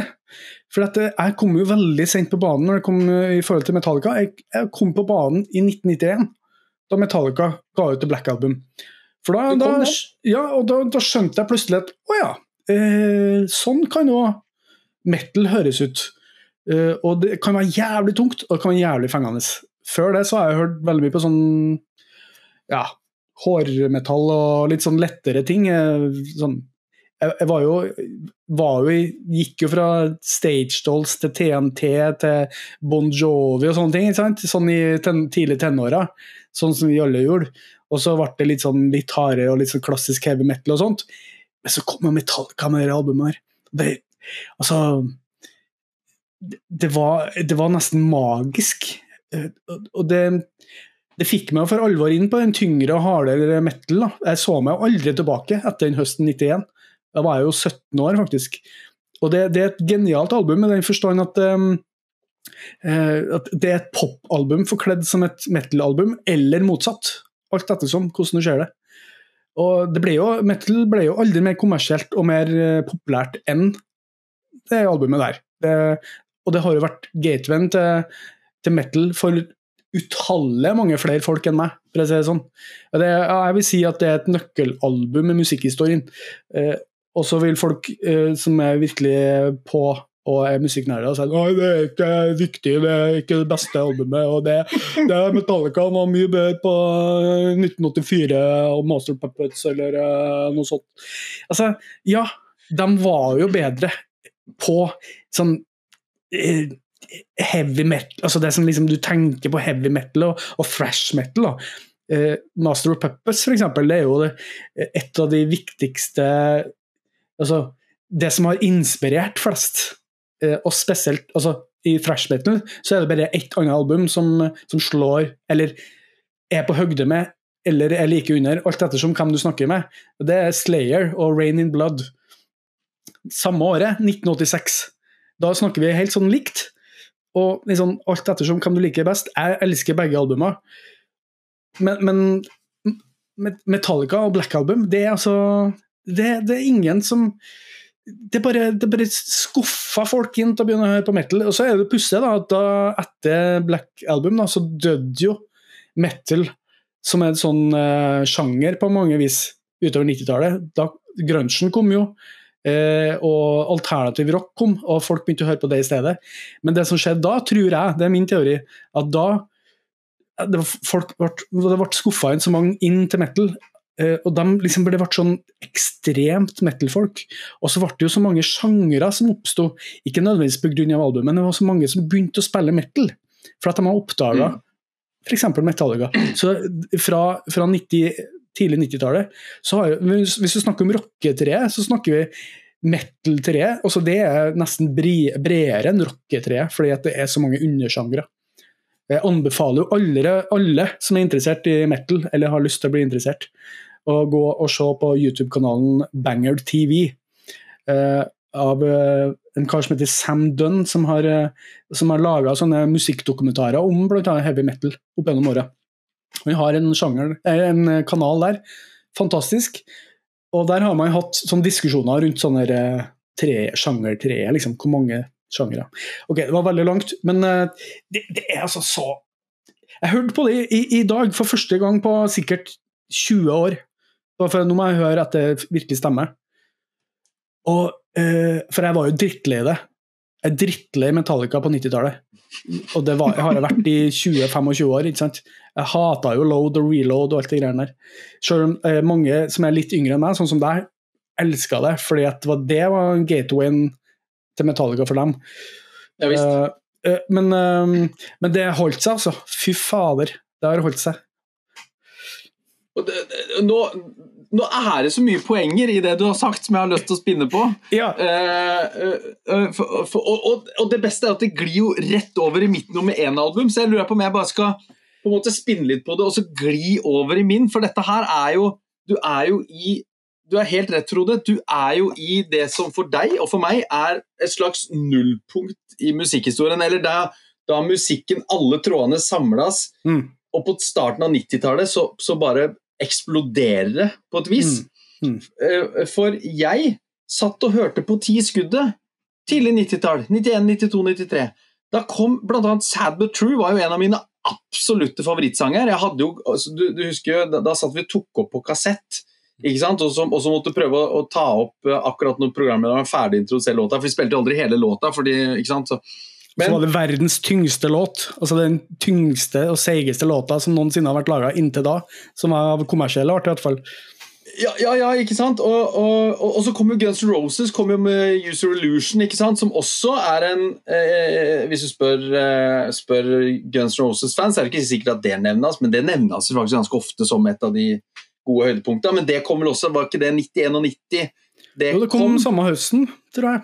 Ja, Altså, Og så- det kom liksom fordelt. Er Eneren på, på våren og toeren på høsten, eller noe sånt. ikke sant? Eller noe sånt. Og så, og så glir vi over til da min nummer én, Pearl Jam 10. Ikke sant? For som du sier, grunchen eksploderer. Mm. Og, og som det er med Slayer og, og Metallica 1986, så er det jo sånn med Nirvana og Pearl Jam. Eh, og så er det vel ingen eh, Det er vel kanskje ikke så Det er ikke veldig kontroversielt å si at Nevermind med Nirvana nok, i hvert fall den gangen, eh, og for så vidt ennå står som et kanskje enda mer sånn eksplosivt album. Men de brøyta jo på en måte den, den litt sånn feiden eh, mellom Pearl Jam og, og Nirvana Mm. den gangen. Og så hadde du Soundgarden, og så, og så hadde du Alice in Chains. Altså den, men uansett, Ten med Pearl Jam, Nevermind med Nirvana, de to kom jo også i 91 der. Og tenk deg den Samme høsten. på de Ja, tenk tenk 91! For et, for et ellevilt år! Mm. Sant? Vi har vært igjennom 91. Vi har opplevd vi- vi- 1991.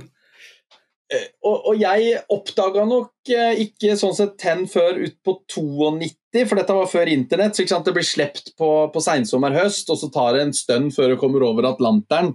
Eh, og så kommer det på sånn ti skudd og topp 40 og hva det er for noe alt sammen. Når jeg satt og hørte på radioen hjemme en eller annen gang i løpet av 92, våren, våren forsommeren 92 jeg var da, Det er jo da jeg er født i 79, så 12-13. ikke sant, Og blir forma inn i denne grunchen. Men som sagt, jeg satt og hørte på Ti skudd, og jeg husker jeg var litt lei av sånn eh, Michael Learns to Rock I'm not an actor, I'm not. Ikke sant? Og Roxette var jo store, og, og du hadde Snap og KLF og alle, alle de tinga der som jeg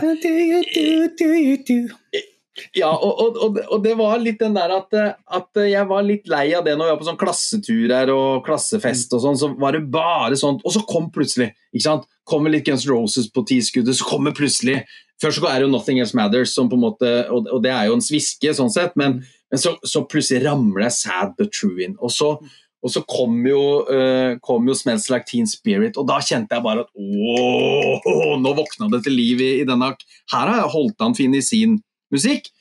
Men så bare skjedde det noe når uh, Ten uh, Jeg husker ikke hvem, hva de slipper som første singel, og, sånn, og hva som var inne, men det albumet får jeg ganske tidlig fordi at min kusine Katrine, som er født i 74, hun hadde nok noen antenner ute og skjønte at her eh, her er det bare å få kjøpt, eh, kjøpt en bursdagsgave eller julegave eller et eller annet gave til han eh, fetteren min.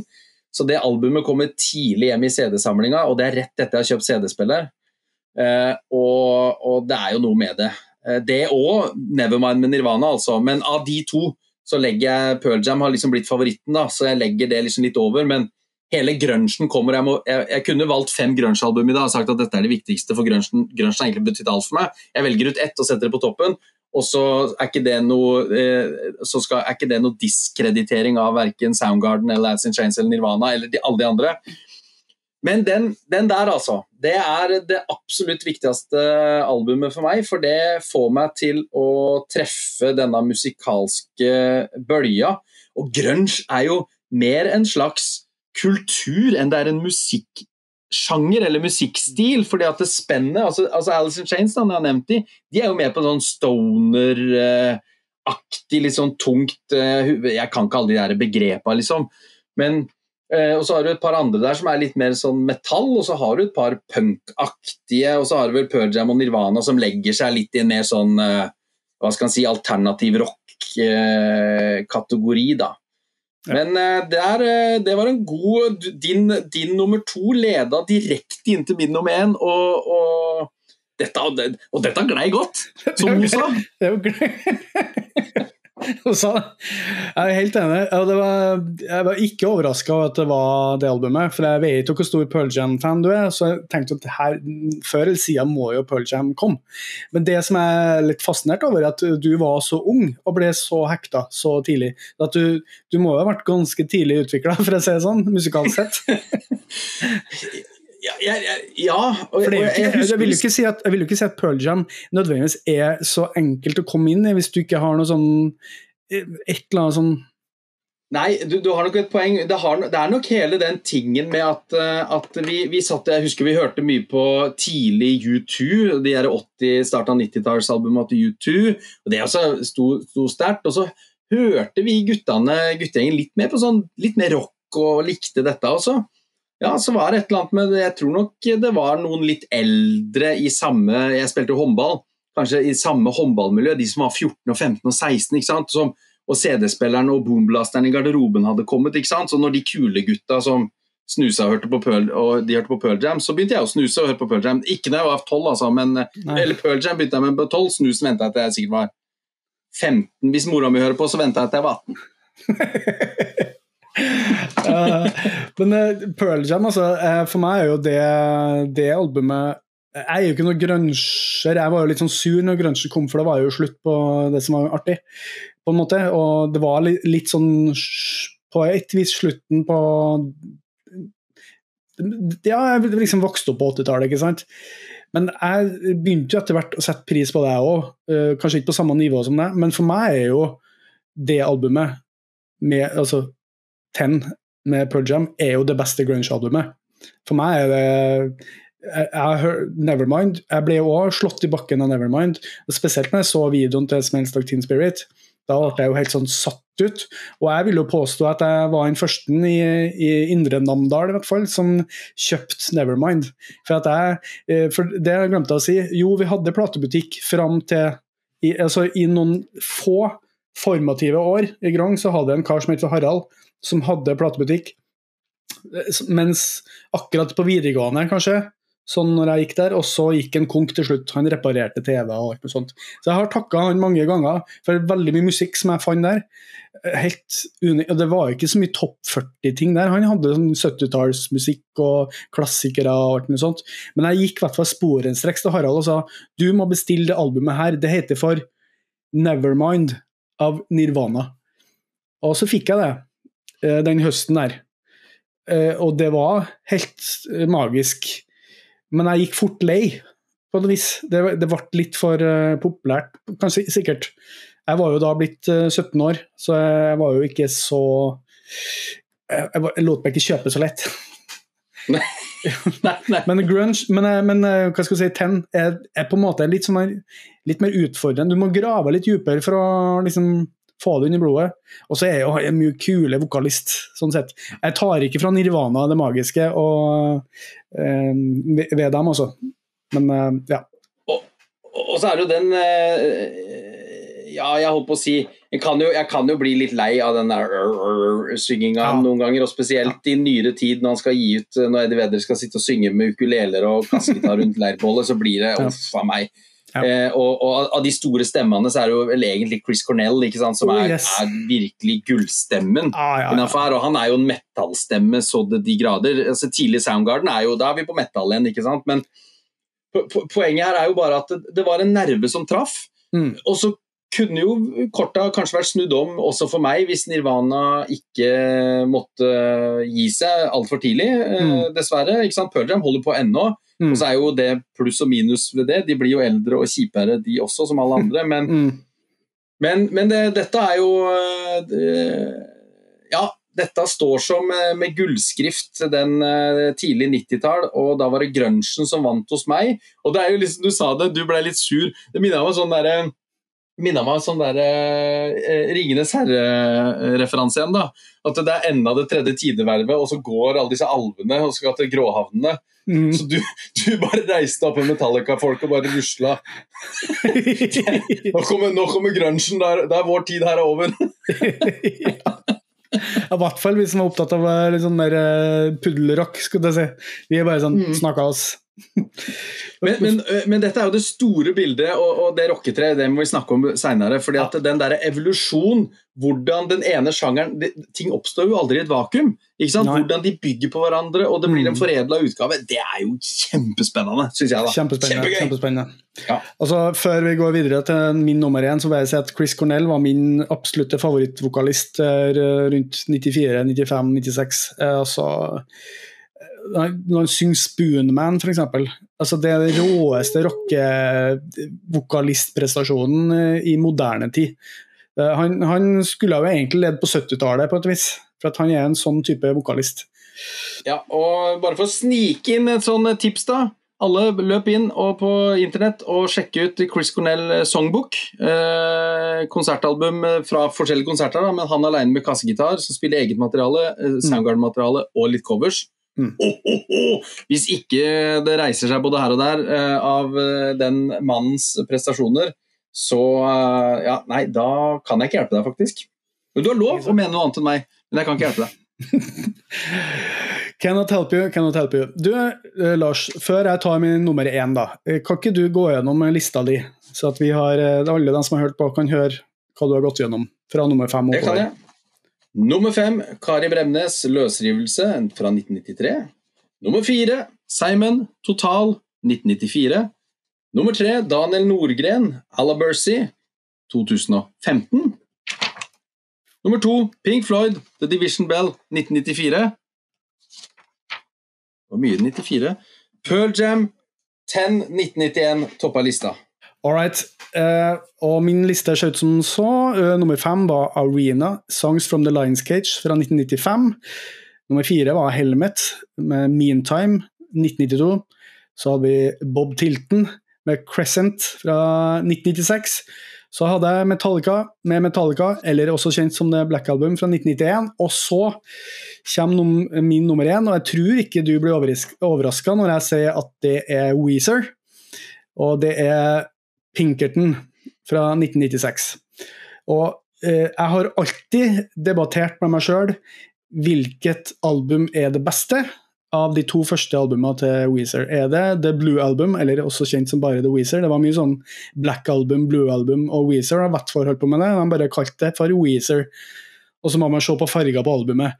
Og så må man kalle det ja, The Green Album. Vi hadde med det forrige gang, hadde jeg med en sang fra The Green Album, som òg het for Weezer, bare. For fordi at Men kunstnere. Sånn er det med dem. Men eh, eh, er det The Blue Album, eller er det Pinkerton? Jo, jeg har satt opp Pinkerton, for det var det første albumet jeg hørte av Weezer. Uh, og da vil jeg gjerne rette en takk til det uh, forhenværende magasinet Beat, som var Norges eneste, eller ikke eneste, men det største var vel sikkert musikkmagasin, eller musikkbladet, rockemagasinet uh, på 90-tallet, som drev med anmeldelser, deriblant Finn Bjelke skrev der. Og der hadde man en CD som var med ofte med sånn ny musikk som kom. Der oppdaga jeg veldig mye fint. Det var mye drit òg, for de var jo noen sære rockefolk til gjengen der òg. Men der var det med Jeg husker ikke hvilken det var nå, jeg lurer på om det var 'Falling for You' fra det her albumet. da. Det var i 1996, så det var den, det året. Og eh, det her var altså så eh, rått og emosjonelt og lengtende og sårbart. Det var skjevt og skakt, men så var det veldig melodiøst. Så var det masse trøkk, og så var det veldig lekent. Og så var det de mest fussy fuss-gitarene du har hørt noen gang. Det var bare sånn pedal, og, og, det var skrudd opp på 11, ikke sant? Full, og så var det fullstendig ekte. Eh, og, det, og det, traff meg rett i hjertet, da. Og og forresten så er det ingen Jeg tror ingen sånn ja, fuzz-pop eller rocketrommeslagere av det, liksom, det alternative rockslaget som har slått hardere på trommene enn det Patrick Wilson, som er trommisen i Weezer, gjorde på det albumet. der. Patrick Wilson er for øvrig en skuespiller, men det er ikke samme fyren. Eh, eh, Patrick Wilson eh, Søker han opp på IMDv, så skjønner dere. Eh, Patrick Wilson. Og så så de ut som nerder. De var liksom nerder, sånn som meg. De, eh, han, eh, han sang om eh, ting som ikke funka for seg i forhold til damene. Det funka aldri for meg i forhold til damene, på 90-tallet i hvert fall. I hvert fall ikke tidlig 90-tall. Eh, og, eh, men hvis du hører på tekstene i dag, jeg hørte på albumet her om dagen, så er det jeg må si at det er litt sånn metoo-greier innimellom der. For at han, men det er litt sånn hvordan man tolker det. Men han, han er jo en raring, da, han eh, Rivers Cuomo, som sang og spilte gitar og skrev låtene. Det er jo egentlig et enmannsband, og så er det en gjeng bakom som alltid har vært med. Bortsett fra en byt, by- bytta ut noen bassister. Vi trenger ikke å snakke så mye mer om det, egentlig, sånn sett, men det, det, det, det, var liksom meg. Det var, veldig, det var meg. Var, jeg identifiserte meg veldig med bandet her. Og jeg var ekstremt stor fan i de neste tiåra, i hvert fall. Fortsatt fan, men eh, de har blitt gamle og gubbete. De har gitt ut et overraskende bra album i år, for de har gitt ut sånn fire-fem album de siste tre åra. Vært superproduktiv plutselig. Og de var ikke superproduktive til å begynne med karrieren sin, for å si det sånn. Så, ja. Utblåsning. Det, på lik linje med at du ble veldig lite uh, overraska over at jeg hadde Pearl Jam 10, så ble jeg Jeg, jeg satt egentlig bare og lurte på hvem uh, Weezer-album er det han skal sette på topp. Mm. Og jeg har også forstått at det er de to første det står mellom, og så kommer det Green Album Det tredje albumet kommer på en tredjeplass, gjør ikke det sånn kvalitetsmessig også? Helt klart. helt klart. Men, men jeg regner med at det viktigste er det som du hørte først, og da er faktorenes uh, orden likegyldig. Da var det bare den du hørte først, og da er det Pinkerton, altså.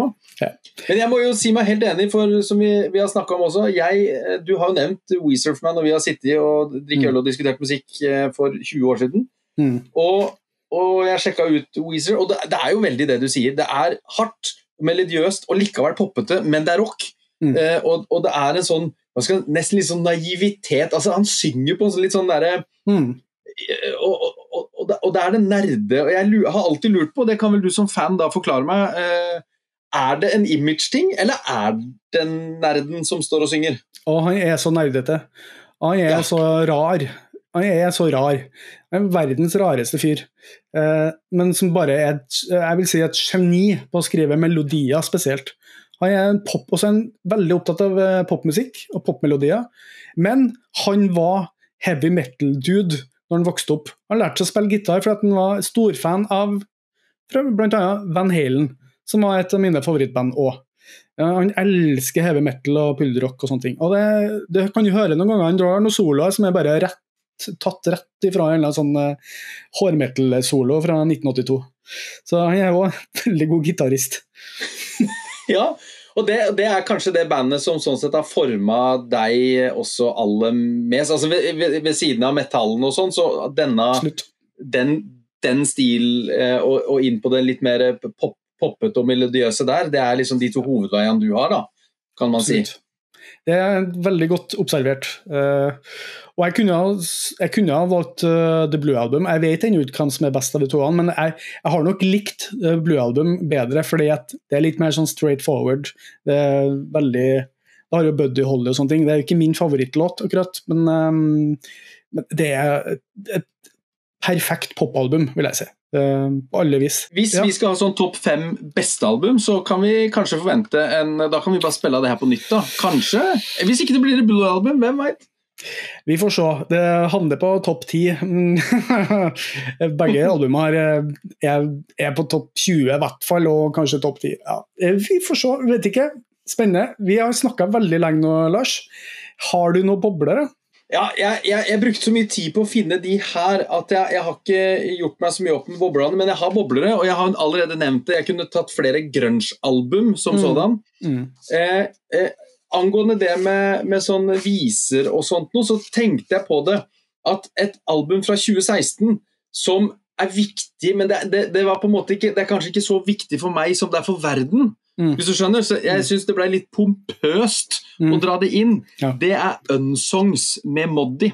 Oh, ja, ja. Jeg vet ikke om det prosjektet er noe du har hørt om, Nei. men han har samla inn sanger som på et eller annet vis har blitt forbudt eller bannlyst Jo, eller sensurert Mm. i, i hele verden, Ja. og, og, og plukka ut jeg tror det er tolv av de til et album. Og han har jo da oversatt det til engelsk, for dette er jo fra alle verdenshjørner. Det er Vietnam, det er Israel, eh, det er Sør-Amerika eh, osv.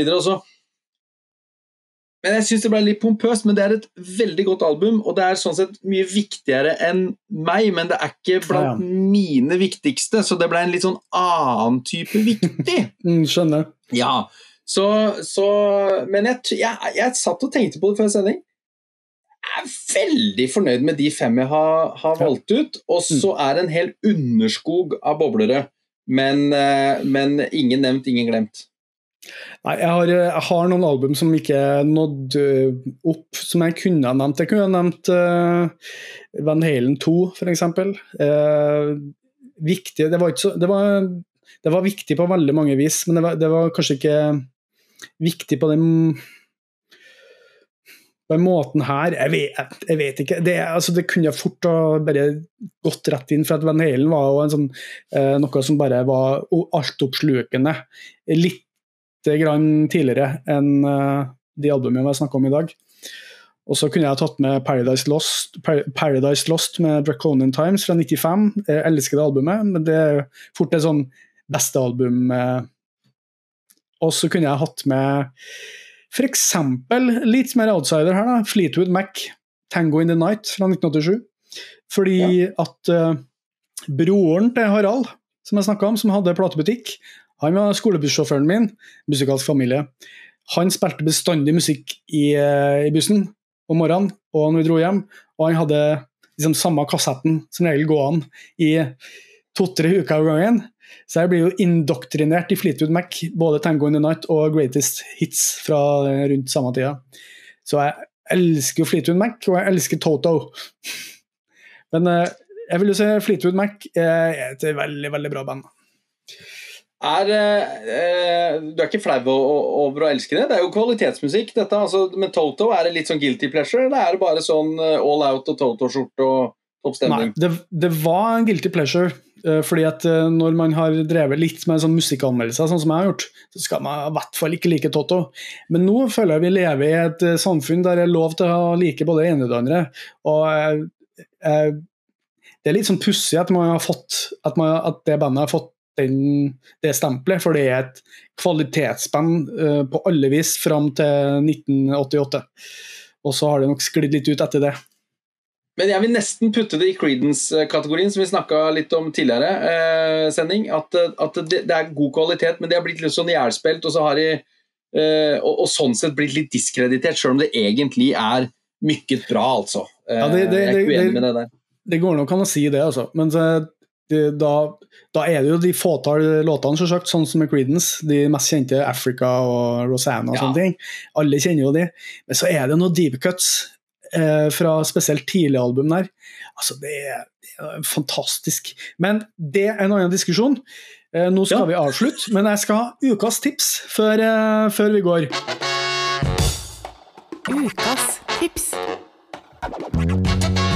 Og da er vi i hvert fall i en helt annen verden. Og vi spiller jo inn det her på sommerstid. Det er 9. juni når vi spiller det inn. Du hører kanskje det her når det er juli eller august, hvem vet. Kanskje i januar. Kanskje om ti år, eh, da verden har gått under har vi sett i en ørken. Hvem vet. Men jeg har lyst til å løfte fram eh, et, eh, et norsk band som jeg oppdaga den tilfeldighet, og det her er det sykeste, jeg hørte dem på Trønderradioen på, eh, på morgenen på, på NRK P1. Jeg er jo ingen P1-mann, men eh, jeg, og kona med det minste Hva skal man si? Om morgenen så hører man ikke på liksom bråkete P3 som hyler og skriker, eller P13 er litt det samme. P1 er veldig sånn rolig og greit, og så får man oppdatert seg på hva som skjer i Trøndelag, og hvordan det er været, og er det noe kø en plass, eller whatever. Og så spilte de Det var vel i jeg vil Det må ha vært Jeg husker ikke om det var i fjor sommer, eller om det var tidligere. Et, et, vi går for i fjor sommer. Så spilte de en sang av et eh, band fra Lofoten, de holder til i Oslo nå, som heter For lyse netter. Eh, og de uh, spilte en låt som heter 'Vi lar aldri sola gå ned'. Og jeg ble sånn What the fuck is this? Det er den beste etterligninga av 80-talls synthpop, men på nordnorsk jeg noensinne har hørt. Og det er så fengende. Det er altså så deilig plush syntlyd. Og eh, sånn koselige tekster altså Han synger jo den sangen her om liksom, sommerflørten og være oppe med midnattssola og hele, hele, den gode nordnorske tradisjonen. ikke sant? Med å synge om det nære og sånne ting. Men så er det liksom syntpop. Og, sånn, og skikkelig fengende. Og det, de ga ut et album som heter Alt som går opp. Så I 2019, som det her låta her er på. Og det er jo um, på den fantastiske, fantastiske labelen Labelvåg. Eller Labelvåg. Det er så bra. Det er gøy! Det er, det er fantastisk! Og det, det, er åtte låter. Eh, ikke noe langt. Det er to av dem er, nei, tre av dem er bare sånne korte sånne snutter. Så egentlig er det en EP. Fantastisk. Nå har de gitt ut musikk i år og så vidt. Eh, det har ikke jeg sånn, helt sånn fått fot for. Men eh, ja, lyse netter fra Lofoten og Oslo. Kjør på. Eh, kjør stemning. Jeg har sittet på verandaen min, sett på sola gå ned og hørt på det her og bare kosa meg. Sånn, du sitter og har liksom lykkefølelsen, sitter med en god øl og bare kjenner på at nå er det sommer. Og kjempebra produsert. Sånn skikkelig god lyd. Nå veit jeg hva jeg skal etterpå. Da skal jeg, da skal jeg høre på, på dette tipset. Eh, for det her hørtes jo kjempespennende ut. For nordnorsk musikk pleier jo veldig ofte å være noe sånn sutrende mørketidstjafs, og, jeg liker ja. den melankolien, men den passer ikke alltid på sommeren. Så at de kan komme opp med noen gode alternativer til den lyse tida. Nydelig! Nydelig! Ja. Det er litt, det er litt sånn, Labelvåg, altså. Labelvåg, fantastisk. Lyse netter er sånn, litt sånn Sondre Justad-aktig, men ikke så um sprettent. Uh, og så er det jo ikke en solofyr, det er et band. Så det er på en måte Jeg føler at jeg føler at det er litt sånn kredibelt på et vis òg. Andre vil sikkert si at øh, skal ha en kommersiell pop. Vet du hva, jeg elsker god pop. Altså, du, du, kan stemple meg som en sånn sær emo-core-fyr som bare hører på metal, men det stemmer ikke. Jeg elsker sånne låter som her. Jeg elsker det. Det er altså det, Og det var, det var en, en, en, god avslutning på en lang, men jeg tror eh, kvalitetsmessig meget god sending. I sånn all ydmykhet og beskjedenhet så syns jeg vi leverte godt i dag, Frode. Ja, jeg, jeg syns det òg. Jeg syns vi klarte oss bra. Uh, vi visste jo at det her kom til å bli lenger, for når vi snakker om det viktigste albumet, så fies du ikke gjennom og bare sånn Ja, det er forresten det, er det albumet. Da må du greie ut litt. Du må det, og det, det, har vi gjort, og vi er glad i å prate, men, men, dette fortjener oppmerksomhet, for dette er det viktigste. Og nå har vi på, måte, eh, på mange måter da presentert oss. Dette har forma oss, og så har vi alle disse utstikkerne, og så skal vi tegne dette treet, eller vi kan eh, seinere, men, men, eh, du verden, her var det mye. Og jeg fant jo ut band jeg aldri hadde hørt om før, som ingen andre har hørt om, unntatt deg, da. Eh, så dette var, dette var klasse. Ja, jeg er inspirert sjøl, jeg. Det er kjempebra. Da til slutt så vil jeg bare minne om at vi har en Facebook-side som heter Lars og Frode snakker om musikk. Eh, klikk gjerne lik alt det greiene der. Og så er vi jo eh, det du ikke, og det vi ikke har sagt noe om, at vi, vi legger ut det her både som lydpodkast, eh, der du finner podkaster, Spotify, Apple Podcast, eh, you name it. Men vi legger det òg på YouTube. Vi får se om vi legger ut alle på YouTube, for det, det sånn, kan bli litt sånn klippe, klippejobb på unge Fossvoll Gjørum her. For la oss være ærlige på det. Jeg er bare inne og lar skravla gå. Eh, du, Frode, sitter igjen med teknikken og redigeringa og produseringa og alt, så det har jeg sagt. Eh, det styrer du, hvor mye tid du har lyst til å bruke på det. Min, min, min jobb er gjort det. Litt som å gjøre damer gravide. Min jobb er ferdig idet det utløsninga kommer. Snakkes! Akkurat sånn er det, Lars. ja, nei, det, var en, det er helt likt, faktisk. ok, da høres vi neste gang. Ha det. 好屌啊